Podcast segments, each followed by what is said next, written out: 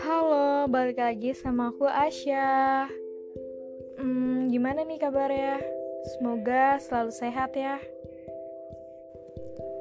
Jadi, malam ini aku mau berbicara perihal tentang aku.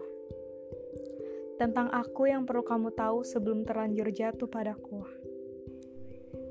Aku benci harus berjuang dan rebutan Aku tak suka jika milikku harus dipertahankan dengan sekuat tenaga dan menyikut seluruh lawan.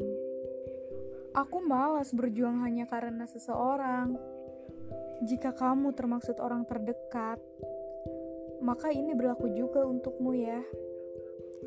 Jika suatu hari nanti ada yang mencoba mendekat padamu, aku tak akan berubah sikap. Aku tak mungkin marah dan memaksamu untuk memilih aku daripada yang baru.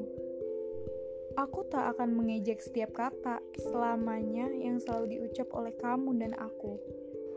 Sederhananya, aku senang jika milikku menjadi benar milikku tanpa tanda pengenal di antaranya.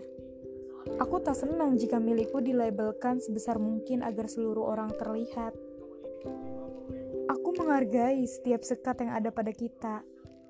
Aku memahami bahwa prioritasmu memang aku, namun aku bukanlah satu-satunya manusia yang boleh kamu jumpa dan bertegur sapa. Batas kenyamananku hanya sebatas ini saja. Jika aku merasa kamu tidak nyaman dengan sikapku, maka aku akan perlahan-lahan melepaskan. Memintamu untuk tetap tinggal takkan ada artinya jika kamu sebenarnya ingin hidup bebas di luar ikatan hubungan. Aku belajar mengikhlaskan dan merelakan bukan karena kamu tak layak diperjuangkan.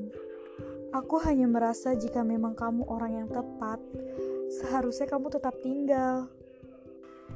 Dan sebagian kata yang ada di sini, aku ingin kau tahu tentangku. Karena jika sudah bersamaku, aku takut bilang bahwa aku cemburu. Aku tak suka kekanakan di depanmu. Tapi aku tak mau kau hilang dariku.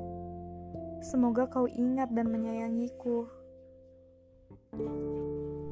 Yang terakhir harus berkesan, sudah berupaya menjadi tenang.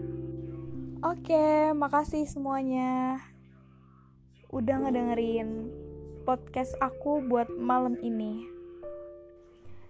Ini dari episode RN Mood.